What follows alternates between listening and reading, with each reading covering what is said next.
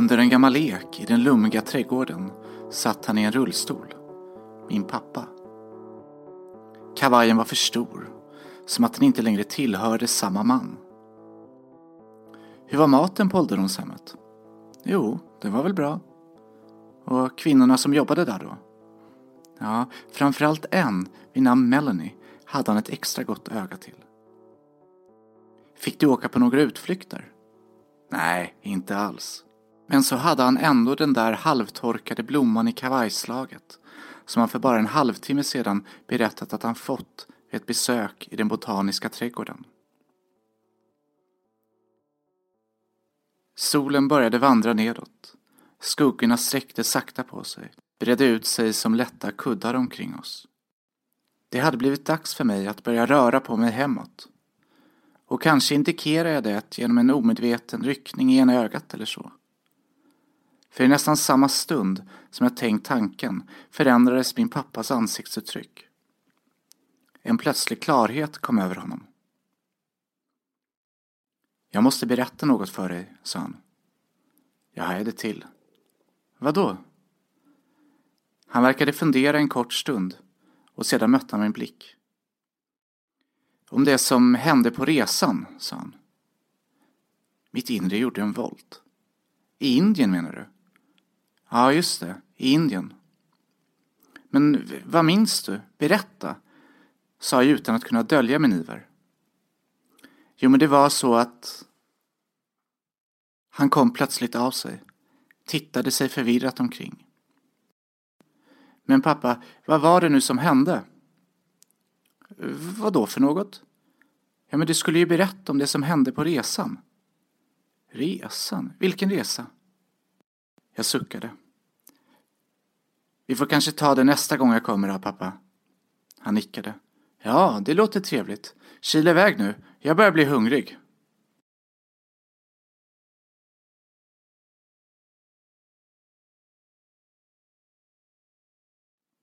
Jag körde min bil långsamt tillbaka mot hemmet. Husen och butikerna passerade utanför, men jag var i mina tankar någon helt annanstans. Hade min pappa plötsligt börjat minnas vad som hänt på resan trots sin långtgående demens? Eller var det kanske just denna som gjort att förmågan till förträngning hade försämrats? Skulle jag äntligen snart få veta? Det hela hade utspelat sig ett år efter skilsmässan från min mamma. En dag hade min pappa då berättat för oss att han bestämt sig för att ge sig ut på en lång resa. Hela sitt liv hade han arbetat, vänt papper på ett lokalt kontor för en myndighet. Och när han nu ändå snart skulle skickas i pension hade han lyckats förhandla sig till ett års tjänstledighet. Min pappa var långt ifrån rik, men det trogna slitet hade åtminstone resulterat i tillräckligt med besparingar för att han skulle kunna klara sig några år som kringresande i mindre utvecklade länder. Ingen i familjen brydde sig nämnvärt om hans beslut. Skilsmässan med min mamma hade föranletts av en otrohetsaffär, så vi i familjen var trötta på pappa. Och vi hade dessutom nog med våra egna liv.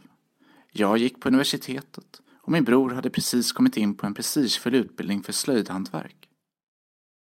Vi hade båda stadiga flickvänner. Och vad gällde mamma hade vår pappa lika gärna kunnat varit död. De hade ingen kontakt längre. Under de första månaderna kom vykort från Thailand, Kambodja, Vietnam och Sri Lanka. Hur har ni det där hemma? Hur går studierna? Och sedan någonting om en strand, en djungel, ett tempel eller några elefanter han ridit på. Det sista vykortet kom från Hampi i Indien. Han berättade att han stött på en amerikansk kvinna där som han börjat resa tillsammans med samt att han börjat med yoga och meditation. Det hade gått nästan ett halvår efter att han gett sig av då det en kväll ringde telefonen hemma i min studentlägenhet. Det är pappa. Ljudet var burkigt, rösten var skärrad. I bakgrunden fanns ett öronbedövande liv. Som att samtalet kom från en automat i en vägkorsning. Människor som skrek. Hej, hur är det? Du måste lyssna noga nu. Det är väldigt viktigt. Vadå? Vad har hänt? Ja, vi kan inte prata längre, men jag har lyckats fly. De jagar mig. De kommer att försöka kontakta dig. kommer försöka utge sig för att vara mig för att komma åt er och på så sätt mig. Men det är viktigt att ni inte gör någonting. Glöm bara bort mig. Vad ni än gör, betrakta mig som död. Därefter lades luren på och den stökiga och högljudda världen försvann. Endast kylens brummande hördes i min studentlägenhet.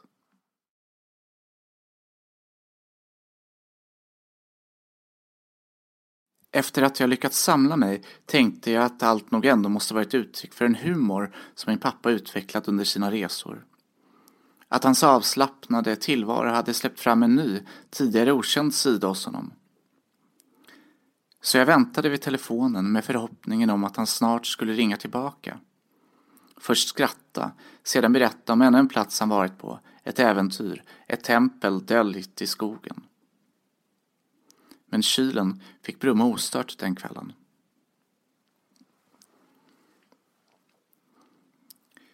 På förmiddagen nästa dag ringde jag till telefonbolaget. Jag frågade om det gick att spåra numret. Det tog sin lilla tid, men senare på eftermiddagen samma dag ringde de upp och berättade att samtalet ringts från Indien, från en stad längs kusten som hette Kokarna.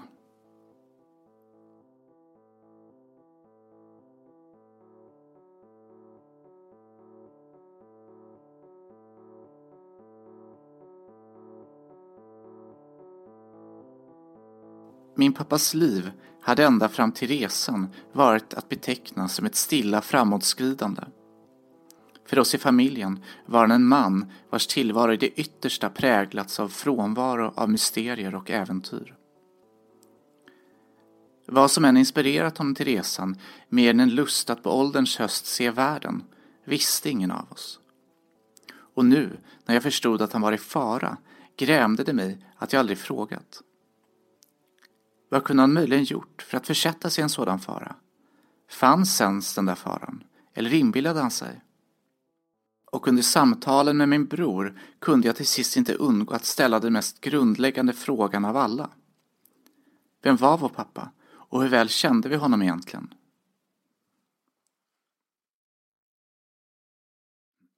Både min bror och min mamma menade att vi borde avvakta, inte göra något överilat.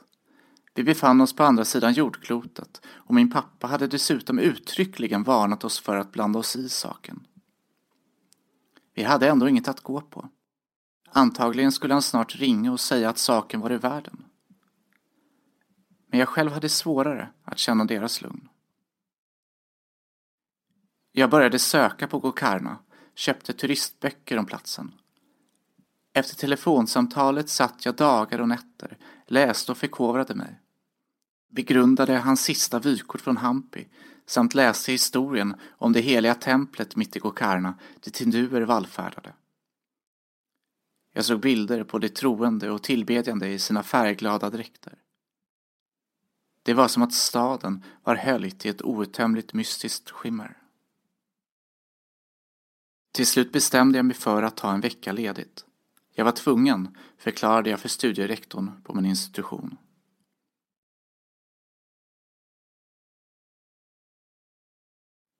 Jag flög till Goa via Frankfurt och därifrån tog jag ett skraltigt tåg söderut. Resan tog över 16 timmar. Vagnarna var packade med fattiga och sjuka. Kackerlackorna krälade över min packning. Jag åt ingenting. Satt bara ihopkrupen i ett hörn medan de omkring otåligt väntade på att jag skulle somna. Väl i Gokarna tog jag in på ett av hotellen längs kusten i utkanten av staden. Här fanns en liten begynnande turistindustri. Stränderna var vackra och orörda. Solen speglade det väldiga havet rött vid sin upp och nedgång. Naturen omkring var exotisk och vild. Det var eftermiddag på min tredje dag i staden. Jag vandrade längs stranden in mot stadens centrum. Mitt mål var det hinduiska tempel som livet i staden verkade kretsa kring. Det hade byggts på 600-talet och till det vallfärdade människor från hela Indien. Hinduiska pilgrimer mötte här sitt öde, blev till ett med sin gudom. Jag hade fått som vana att gå dit varje dag, liksom lokalbefolkningen, och liksom dem tog jag av mig skorna vid entrén varpå jag tvättade mig. Sedan passerade jag porten, ställde mig och väntade i det förmak till det allra heligaste rummet där templet höll en enorm tjur i en inhägnad. Den stod där och representerade Shiva och dess storlek var verkligen uppseendeväckande. Jag hade aldrig i mitt liv sett en tjur med muskler som på detta sätt svällde bakom den tunna huden. Skötaren fanns också i inhägnaden och jag tänkte att de med stor sannolikhet båda skulle dö där inne. Plötsligt såg jag i ögonvrån hur en man kom in i templet. Han var ett huvud högre än de andra. Han hade ett enkelt höftskynke och bar överkropp. Han var mycket mager. Hyn var i grunden ljus, men han var djupt solbränd. Ansiktet täcktes av ett vildvuxet skägg. Han trängde sig fram i massan av människor mot platsen där jag stod, mot tjuren. Den främmande uppsynen fick mig först att tveka, men snart var han bara några meter bort. Jag log mot honom, men fick inget leende tillbaka. Till sist var han alldeles nära och jag mötte hans blick och ropade och vinkade åt honom. Men han tittade på mig som att han inte kände mig, tog sig förbi mig och ställde sig allra längst fram vid tjurens inhägnad. Där började han mumla något, som att han bad. Sa några för mig främmande strofer om och om igen. Efter en kvart bröt han upp och jag följde efter honom ut på gatan. Han vankade av och an längs de smutsiga gatorna. Han beblandade sig med de fattiga och tiggarna, var en av dem, vilken som helst. Till sist, i skymningen, lade han sig till rätta för att sova på den smutsiga trottoaren.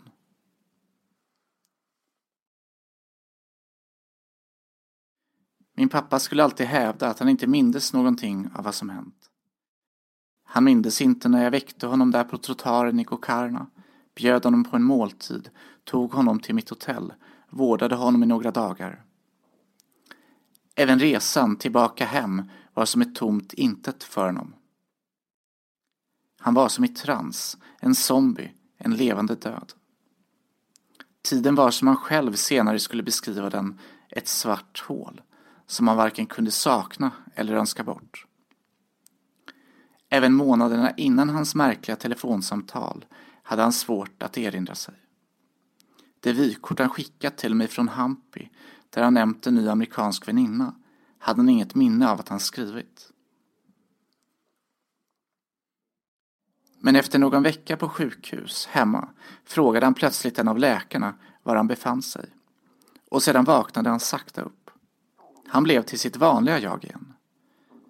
Den djupa solbrännan försvann sakta han återupptog sitt gamla liv och återvände till arbetet. Gick ut och drack med vännerna om helgerna. På ytan verkade han oberörd av vad som hänt. Som att det inte hänt. Vad det nu än var. Och det var kanske just det som gjorde mig övertygad om att han verkligen inte mindes något.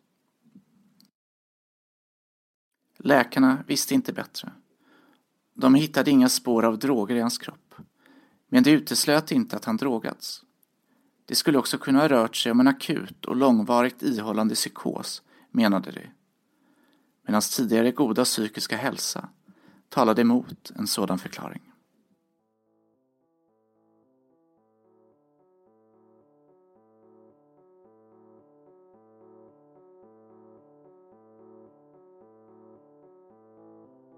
Hemma i min bostad har jag en plansch föreställande templet i Gokarna. Det är mitt enda fysiska minne från tiden i Indien och det som hänt min pappa där, vad än det nu var.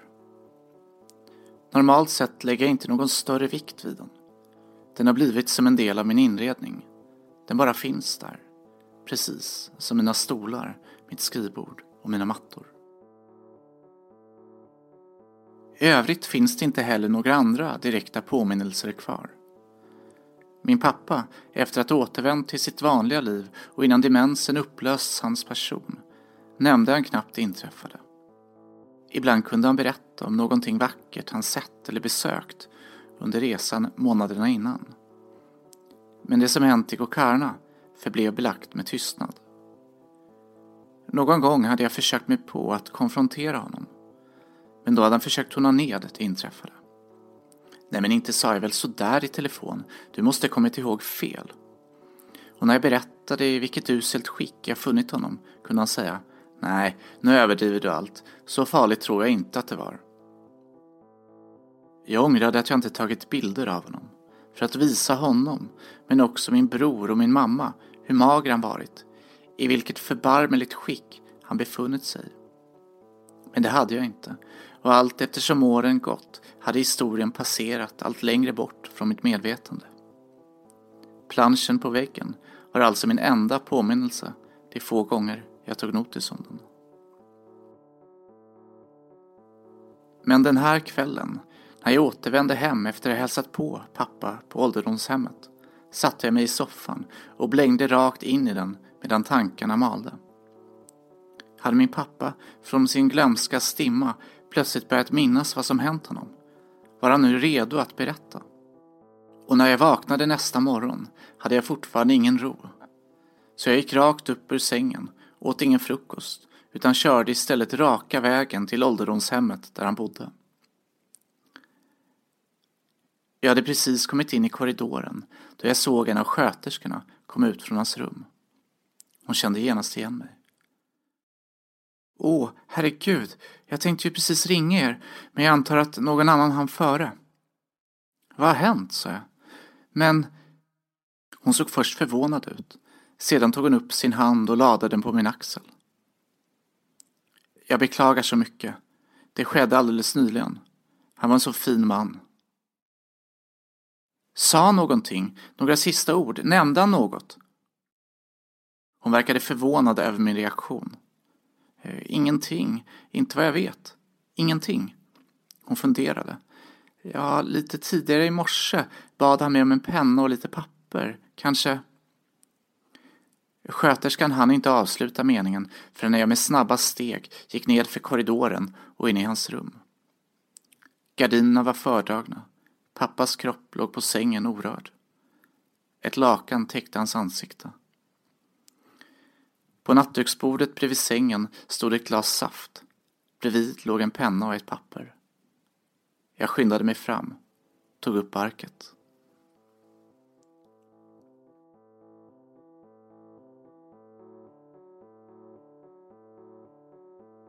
Några minuter senare satt jag under den gamla eken i den lummiga trädgården. Jag betraktade den tomma papperslappen i min hand. Trots att ingenting var skrivet på den kändes den inte utan betydelse. Den var ett form av avsked. Och när jag strax därpå reste mig upp och började gå mot parkeringen kände jag mig plötsligt fri att göra vad jag ville med det som hänt min pappa. Vad än det nu var.